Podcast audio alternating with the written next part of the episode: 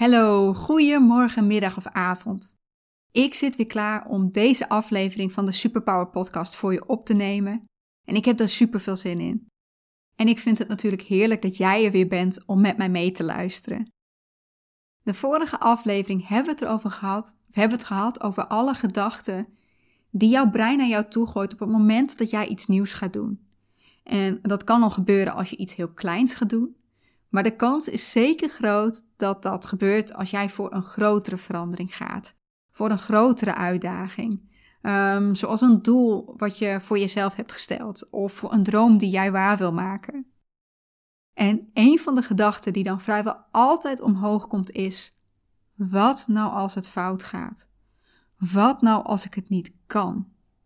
En die angst om fouten te maken, die zit bij de meeste van ons heel diep bewust of onbewust. Bij mij ook, uh, van heel bewust faalangst op de middelbare school, tot een stuk onbewuster in de jaren daarna, waardoor ik mezelf heel klein hield. En ik kan niet zeggen dat ik er 100% van af ben. Ik weet niet of dat ooit helemaal kan. Maar ik wil je in deze podcast wel, wel meenemen in wat ik heb geleerd over het maken van fouten. En hoe mij dat helpt om te groeien, om vooruit te komen. Dus blijf zeker luisteren als jij herkent dat je je ook wel tegen laat houden door die gedachte dat het wel eens fout zou kunnen gaan. Dat je bang bent om die fouten te maken en dat je daardoor geen risico neemt, terwijl je dat wel wil. Terwijl jij wel dat doel wil halen, terwijl je wel die droom waar wil maken. Welkom bij de Superpower Podcast. De podcast over helemaal jezelf zijn en jouw mooiste leven creëren. Mijn naam is Anneke Procé. Hier deel ik met jou mijn kennis over ontdekken wie jij diep van binnen bent en hoe jij wil dat jouw leven eruit ziet. Over houden van jezelf en zelfvertrouwen. Omdat ik geloof dat jij 100% jezelf mag en hoort te zijn. Het waard bent om zelf te bepalen hoe jij jouw leven wilt leven. En dat je alles in je hebt om dat leven waar te maken. Dus, ben jij er klaar voor om helemaal jezelf te zijn en te kiezen voor dat leven dat jij wil leven? Luister dan vooral mee. Als ik echt helemaal terug in de tijd ga, dan denk ik dat die angst om fouten te maken, en wat eigenlijk denk ik de angst is om dom over te komen, dat die er bij mij al heel vroeg in zat. Ik weet niet precies waar het is ontstaan, um, maar ik kan me van de basisschool al herinneren dat ik niet zo vaak mijn vinger opstak in de klas. Ik had er ook niet zoveel behoefte aan. Ik was iemand die vooral, weet je, alle kennis opslurpte, maar dat niet per se naar buiten toe weer terug wilde geven. Maar ik denk ook dat daar een stukje niet durven onder zat. Dat ik bang was dat ik het verkeerde zou zeggen. Het idee van ik weet het niet zeker, dus laat iemand anders het maar zeggen. En als ik daar nu een beetje over na zit te denken, dan denk ik dat dat voor een groot deel komt doordat ik er niet bij hoorde. Eh, ik werd door mijn klasgenootjes niet geaccepteerd. En ik was ook heel angstig. En die angst was vooral lichamelijk. Um, geloof me, jij had mij niet bij een gymles willen zien. Ik durfde niks. En ik durf nog steeds heel weinig. Maar dat was niet per se dat ik twijfelde aan mijn mentale vermogens. Noemde dat toen natuurlijk niet zo. Maar ik ben er vrij zeker van dat dat gevoel van anders zijn, van er niet bij horen, dat dat ervoor heeft gezorgd dat ik me niet goed genoeg voelde. En dat dat weer effect heeft gehad op hoeveel ik dacht dat ik kon. Terwijl ik, ja eerlijk, ik was niet de domste. Hoe dat voor mij was in de eerste jaren van de middelbare school, dat herinner ik me niet zo goed. Maar zo in de derde, in de vierde, ging het eigenlijk best wel goed. Tenminste bij de meeste vakken. Maar ik kan me niet zo goed herinneren hoe mijn houding was in de klas. Of ik echt makkelijk durfde te antwoorden als er een vraag kwam van de docent. Of dat ik nog steeds die gedachte had: maar wat nou als ik het verkeerde antwoord geef? In de vijfde sloeg dat wel helemaal om. En dan bedoel ik naar de negatieve kant. Speelde voor mij toen wel veel meer. Ik was depressief, Um, en ja, mensen die bang zijn om fouten te maken, hebben vaak ook niet een geweldig zelfbeeld van zichzelf. Ik had dat ook niet. Zat toen dicht tegen een burn-out aan, achteraf gezien. Moment zelf stond ik daar niet bij stil. Maar ik weet nog dat ik heel moe was. Ik was heel verstrooid. En vreemd genoeg snapte ik er opeens niks meer van. Waar ik in de vierde klas echt nog supergoed was in natuurkunde, snapte ik er in de vijfde niks meer van. Dus, in de vijfde kon ik niet meer zo goed meekomen. Uh, vakken waar ik dat, het jaar daarvoor echt nog best wel goed in was, snapte ik gewoon niet meer. Zoals natuurkunde. En ik kreeg daardoor last van faalangst. Ik durfde mijn proefwerken niet meer te maken. En in ieder geval niet in het klaslokaal waar iedereen om me heen zat. Ik weet niet of dat nog een bepaalde energie gaf. Maar ik weet nog dat ik dan voor zo'n proefwerk, hè, voordat we dat klaslokaal ingingen, dan kreeg ik al last van paniekaanvallen. En dan op het moment dat we daar in die klas zaten en we kregen dat, dat vel papier voor ons en een potlood of zo. Ik kan me iets herinneren dat we dat kregen. Misschien was het wel helemaal niet zo. En dan kregen we het signaal om dat papier om te draaien.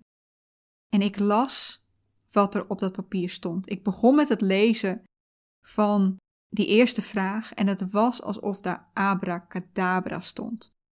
En je moet ook voorstellen dat ik dat las met zo'n hoge, snelle ademhaling. Echt een beetje, een beetje zo paniekerig. En ik snapte gewoon letterlijk niet wat daar stond. Binnen tien minuten had ik alles alweer ingeleverd en stond ik weer buiten het lokaal. Om, daarna gelukkig, mijn decaan wist er ondertussen van, om daarna vrij snel bij mijn decaan op, het, op de deur te kloppen en te zeggen: Het is weer niet gelukt. Ik mocht gelukkig altijd herkansen. En op de een of andere manier ging het altijd al een stuk beter als ik het daarna in mijn eentje mocht doen. Heeft me wel veel lesuren gekost, want dat moest altijd, uh, terwijl de anderen les kregen, zat ik dan mijn toets te maken. Maar blijkbaar ging het beter als ik niet de druk van al die mensen om me heen voelde. Ik haalde nog steeds geen hoge cijfers, maar ik maakte de toets in ieder geval en ik haalde magere voldoendes. Denk ik dat ik op dat moment bang was voor die onvoldoende?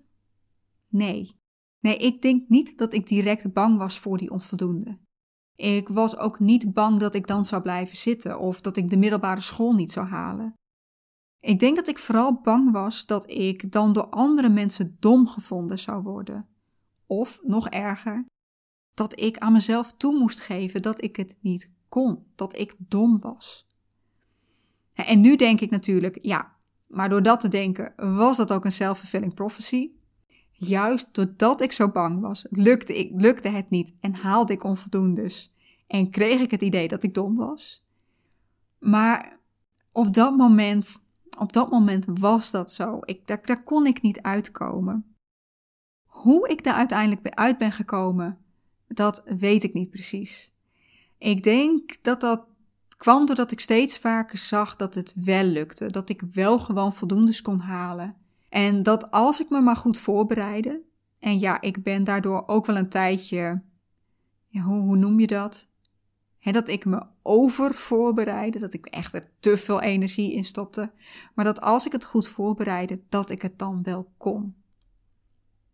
Na mijn middelbare school ben ik een opleiding gaan doen. Als je het interessant vindt, biologie. Ehm, en ik had toen niet meer echt last van faalangst.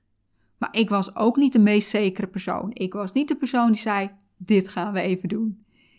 Uh, het is echt een behoorlijke understatement als ik zeg: Ik was niet de meest zekere persoon. En ik denk dat dat er wel voor heeft gezorgd dat ik er niet alles uit heb gehaald wat ik eruit had kunnen halen. Ten eerste omdat ik totaal niet opviel tussen alle studenten. Ik was, niet, ik, ik, was, ik was echt een van die onzichtbare mensen daar. En wil je op de universiteit kunnen promoveren, dan moet je daarvoor een plekje bemachtigen. En ja, dan helpt het heel erg als de professoren jou kennen. En er was geen professor die wist wie Anneke was. Had ik hoger opgewild, had ik zo'n plekje willen hebben, dan had ik die nooit gekregen. Ik had nooit dat plekje gekregen waar ik mijn onderzoek had mogen doen. Nou, gelukkig, dat was ook niet mijn ambitie. Aan de andere kant, was ik zekerder van mezelf geweest, dan had ik dat misschien wel ja, had ik die ambitie misschien wel gehad. Maar dat, dat, ja, voor nu is dat niet zo. En ik heb daar vrede mee. Ik, nee, dat is niet het wereldje waarin ik nu zou willen zitten. Maar ik denk ook dat ik hogere cijfers had kunnen halen als ik meer vertrouwen in mezelf had gehad. Uh, nu heb ik vooral zesjes en zeventjes gehaald en daar is niks mis mee. Ik heb het gehaald. Maar als ik meer risico had durven nemen, als ik meer zelf op onderzoek uit was gegaan over de stof, want ik vond het wel super interessant. Als ik meer van mezelf had laten zien, dan denk ik dat ik echt hogere cijfers had kunnen halen. En dit is hoe bang zijn om fouten te maken mij heel lang onbewust klein heeft gehouden. Tijdens mijn opleiding, maar ook daarna in mijn werk. Ook toen ik me om liet scholen tot coach. En die eerste jaren dat ik mijn eigen praktijk op probeerde te zetten. Want als er iets is wat ik heel lang heb gevoeld, dan is dat dat ik onzichtbaar was. Uh, dat niemand zag wat ik deed. En ja, heel eerlijk, dat gevoel heb ik nog steeds wel eens. Maar het is ook weer een self-fulfilling prophecy. Want hey, als ik mezelf niet durf te laten zien, als ik bang ben dat ik fouten maak in, in, in wat ik van mezelf laat zien, dan kan ook niemand mij zien. En ja, dat, dat is wel wat je doet als je jezelf klein houdt. Tenminste, wel wat, wat voor mij heel lang mijn waarheid is geweest. En wat ik de afgelopen jaren heb gemerkt, dat ik niet alleen ben als het gaat om bang zijn om fouten te maken. Zo voelde ik me wel. Ik, ik had echt het idee uh, dat ik een van de weinigen of misschien wel de enige was die daar last van had. He, want de meeste mensen om me heen zag ik heel zelfverzekerd zijn. Daarvan zag ik hun zelfverzekerde buitenkant. En, en ik had het gevoel dat dus iedereen zo was. Maar nu denk ik dat dat helemaal niet zo is. Ik zag niet de meeste mensen. Ik zag die mensen inderdaad die best wel een zelfverzekerd aura hebben. Maar al die mensen die net als ik een beetje bangig zijn, die lieten zichzelf ook niet zien. Dus ik zag hen ook niet. Alle mensen die zichzelf klein houden, waren voor mij net zo onzichtbaar als ik voor de buitenwereld was. Die vielen voor mij ook niet op. Maar ja, ik voelde me daardoor dus heel erg alleen, alsof ik de enige was die hier last van had. En ik denk dat voor mij de coachingsopleiding daarin een wake-up call is geweest. Dat dat me heeft laten zien dat ik niet alleen was. Uh, ten eerste omdat uh, we kregen daar wel eens de vraag van de docenten van, goh, wie zou dit samen met mij willen oefenen? En dan dat jij, dat wij, de student, hen gingen coachen. Dan was er niemand die zei: Ja, dat wil ik wel. Nee, we zaten daar allemaal naar elkaar te kijken. Wie gaat? Jij? Ik niet hoor. Laten zien wat je kunt, terwijl je twijfelt of je het wel kunt. Weet je, dat durfden wij allemaal niet. En daar zag ik dat ik dus niet de enige was die daarmee struggelde. En ten tweede, het moment dat ik echt mijn dieptepunt had tijdens de opleiding. Dat was een van de eerste lesdagen. Um, wat bij mij ook niet heeft meegeholpen, is dat ik op dat moment eigenlijk nog diep in mijn burn-out zat. Op dat moment twijfelde iedereen eraan of ik het wel ging halen. Maar ik had op dat moment echt een moment dat ik instortte. Ik durfde niet meer. Ik dacht: wie ben ik om hier te zitten? Ik kan dit helemaal niet. En op dat moment, nou, het, was, het was helemaal van mij af te lezen natuurlijk, moest ik eerlijk zijn tegenover uh, ja, mijn studiegenoten. En toen ik vertelde waar ik mee zat, hoe groot mijn twijfel was, toen durfde opeens iedereen toe te geven dat zij precies hetzelfde voelde als ik, dat zij daar ook last van hadden nu ik het hier zo over heb, dat, dat dieptepunt wat ik net noemde, dat is iets wat ik in een andere podcast nog even wat dieper op inga. Uh, want dat is een stadium wat wij eigenlijk allemaal op een gegeven moment inkomen op het moment dat we iets nieuws gaan leren.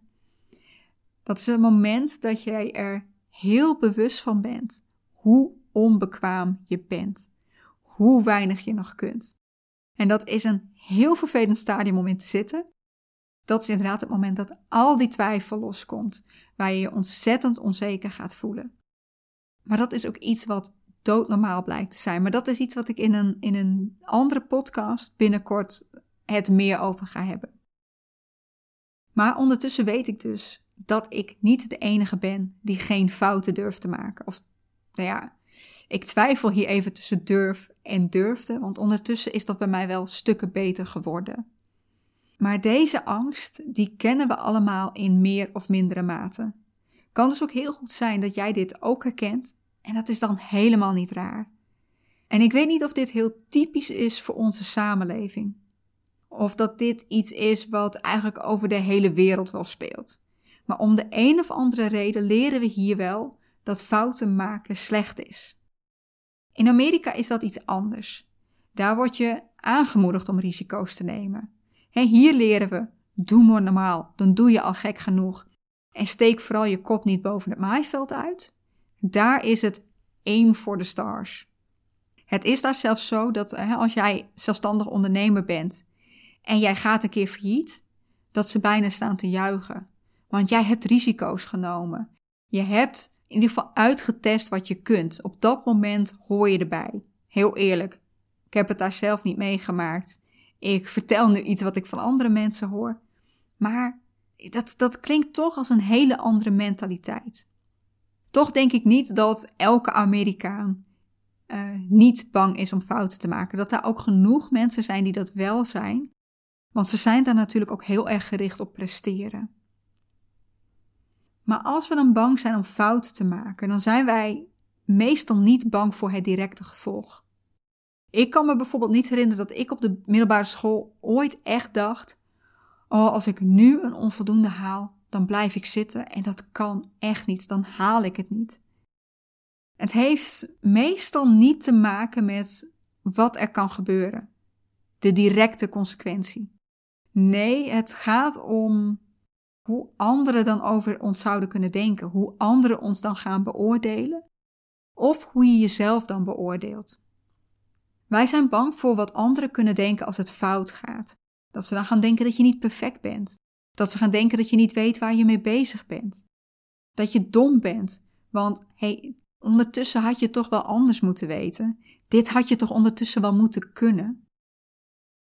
En dat is wat denk ik ook speelde tijdens de coachingsopleiding. Dat het niet veilig voelde om te oefenen. Dat ik dan dacht: ja, maar ze heeft het toch net uitgelegd. Dan moet ik het toch kunnen. Wat nou als ik straks het verkeerde zeg of niet uit mijn woorden kan komen en dat ik dan afga voor de hele groep? Terwijl het er voor de docenten waarschijnlijk helemaal niet om ging dat we lieten zien hoe goed we waren, maar dat we met z'n allen konden leren van elkaars fouten en toch durfde ik niet. En met mij al mijn studiegenoten niet. Als het gaat om het volgen van een opleiding, en dan maakt het me nu even niet uit of dat biologie was of uh, de coachingsopleiding, maar ik denk dat ik daar echt veel meer had kunnen leren. Als ik nog meer vragen had durven stellen zonder het gevoel te hebben dat ik domme vragen zou kunnen stellen. Als ik harder op mijn bek had durven gaan, uh, als ik wel had durven oefenen. Want dat is het. Weet je, door die fouten maken leer je juist. Op dat moment krijg je zoveel persoonlijkere feedback uh, dan als je er als een toeschouwer bij zit. En ik weet dat ik dit nog steeds niet gemakkelijk vind. Dit is nog steeds een angst die in mij leeft. En uh, als ik straks weer een volgende opleiding ga doen, en dat ga ik zeker doen, is dit eentje waar ik echt op moet gaan letten dat ik echt mezelf aan mag gaan moedigen om wel te gaan oefenen. Dus een van de lessen die ik haal uit het durven fouten maken, is dat je daarvan kunt leren. Je leert van de fouten die je maakt. Maar iets wat ook gebeurt als je geen fouten durft te maken, is dat je jezelf klein houdt. En dat is wat heel veel mensen die niet altijd even zeker van zichzelf zijn, overkomt. Want op het moment dat iets uitdagend is, als het fout zou kunnen gaan, dan is het zo makkelijk om op die veilige plek te blijven. Op die plek waar je weet dat je het kan. Maar op die plek waar je ook niet per se blij van wordt. Dat je niet per se, blij wordt van wat je er altijd doet, want het is elke dag hetzelfde. En dat is je comfortzone. Ik denk dat ik heel lang niet doorhad dat ik mezelf kleiner hield Op dat moment geloofde ik echt die stemmetjes die mij vertelden dat ik het toch wel niet zou kunnen. En dat het zeker weten fout zou gaan. Maar dat is wel waarom ik na mijn opleiding niet uit ben gaan zoeken. En dit gaat trouwens eventjes over biologie. Uh, waarom ik niet ben uit gaan zoeken wat ik nou echt wilde. Omdat ik toch dacht dat ik het niet waar zou kunnen maken. Als ik toen had gedurfd, had ik op dat moment waarschijnlijk al veel grotere stappen kunnen nemen. Was ik al veel meer gaan doen wat wel bij mij paste. In plaats van dat ik, daar, dat ik daarna jaren in een baan heb gezeten waarvan ik vanaf het begin al wist dat ik dat niet lang wilde doen. Maar het was niet alleen in mijn tijd in loondienst. Het speelt ook zeker nog op het moment dat ik ontslag nam en voor mezelf begon. Toen alleen al dat ontslag nemen en die beslissing nemen dat ik zelfstandig ondernemer werd, dat ik mijn eigen coachingspraktijk ging oprichten. Oh, dat is een hele strijd geweest met dat innerlijke stemmetje. En ik heb me, wat ik net al vertelde, ik heb me als zelfstandig coach ook zo lang onzichtbaar gevoeld. En ik dacht dat dat iets was wat me overkwam. Maar ik deed het zelf. Dat onzichtbaar zijn, dat was mijn comfortzone. Het is eerlijk gezegd nog steeds mijn comfortzone. Maar ik weet ondertussen ook dat als ik daar niet uitkom, als ik mezelf niet aan jou durf te laten zien, dat ik niet vooruit ga komen en dat ik jou ook niet kan helpen. Want dat is iets wat er gebeurt als jij bang bent om fouten te maken. Dan blijf jij in die comfortzone. En met die comfortzone is niks mis, hè? Die comfortzone is ontzettend nuttig. Het heeft echt een, een nut in ons leven. Het is namelijk de plek waar we kunnen ontspannen, waar we uit kunnen rusten. Want wij kunnen niet altijd op scherp staan.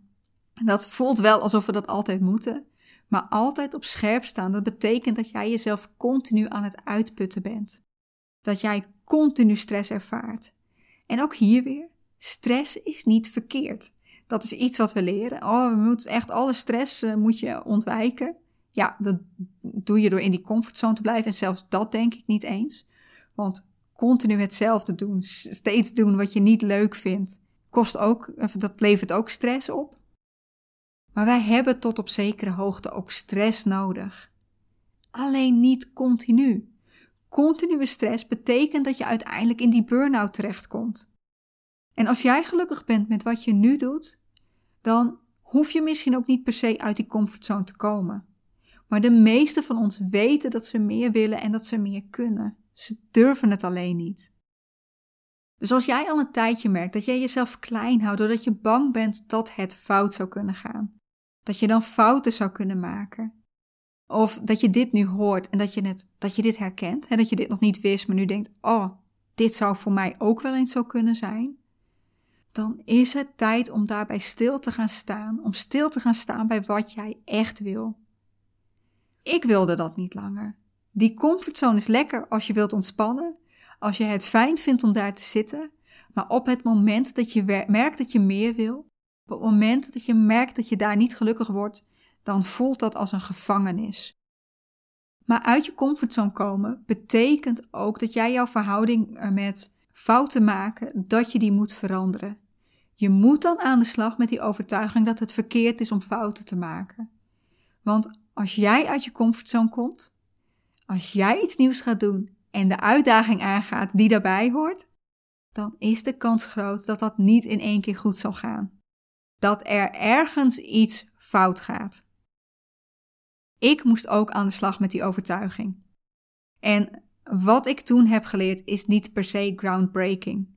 Het meeste wist ik wel, maar ik paste dat nog niet toe. Het is, het is, weet je, op intellectueel niveau wist ik heel veel, maar ik kon de waarheid daarvan nog niet voelen. Ik kon nog niet geloven dat dat voor mij ook zo was.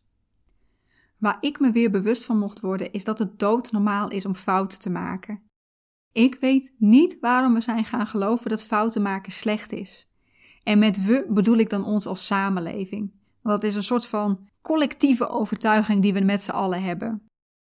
En misschien weet je precies waar het bij jou vandaan komt. Wat er in jouw verleden is gebeurd waardoor jij dit nu voor jezelf gelooft. Hè, dat, dat je geen fouten mag maken. Misschien ook niet.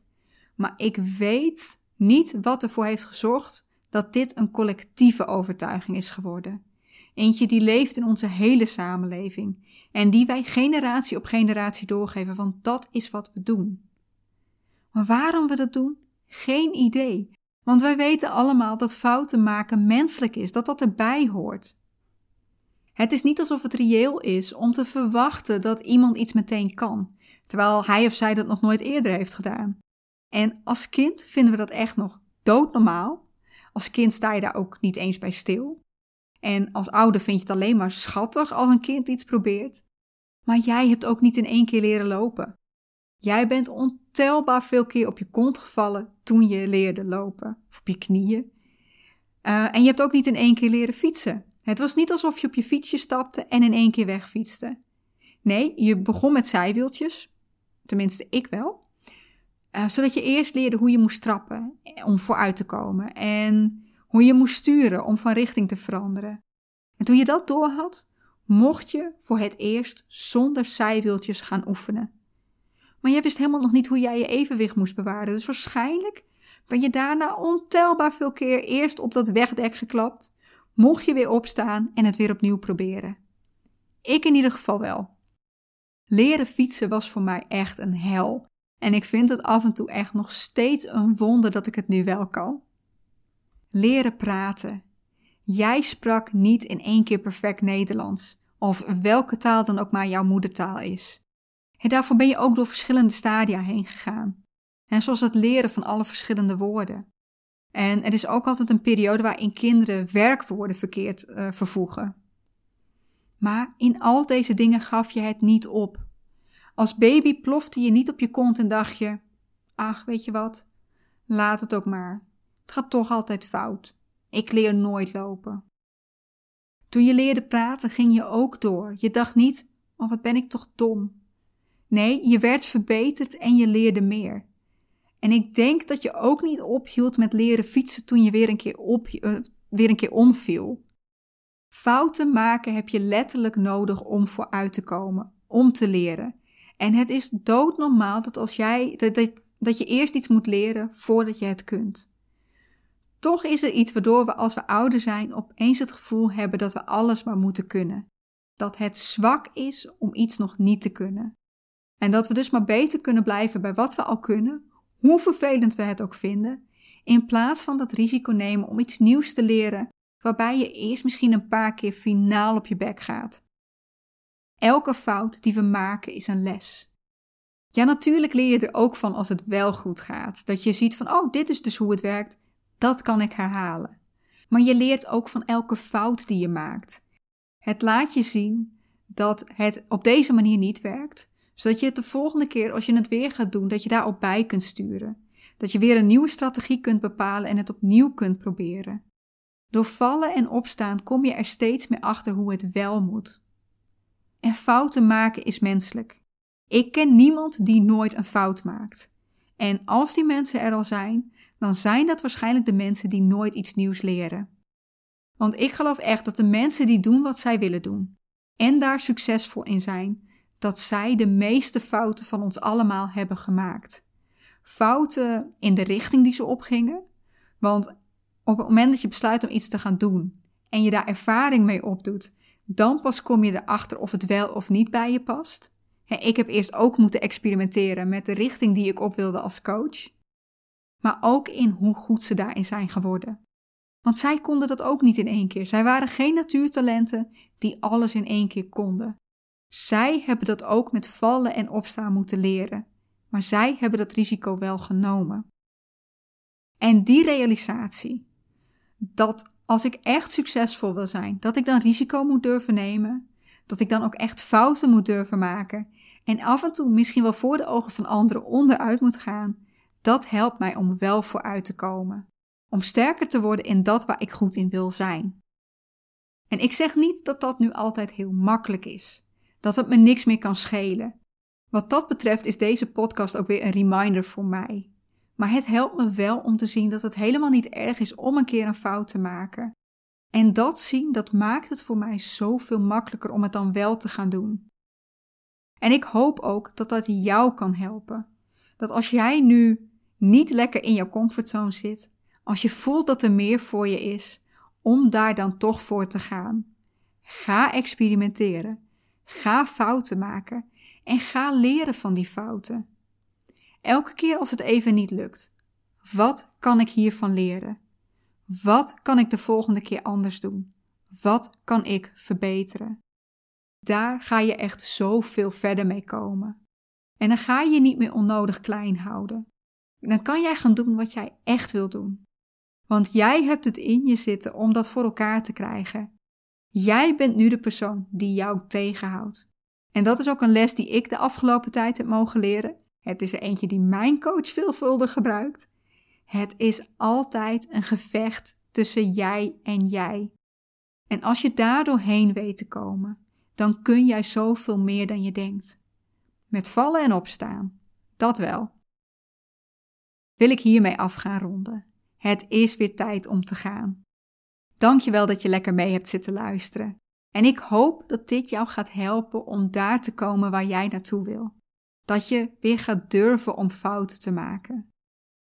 Als je hier nog vragen over hebt of als je iets met me wilt delen, neem dan contact met me op via Instagram op anneke.proce. Stuur me daar een DM. Ik ga echt met alle liefde met je in gesprek. En dan zien we elkaar hopelijk weer bij de volgende aflevering van de Superpower Podcast. Doei!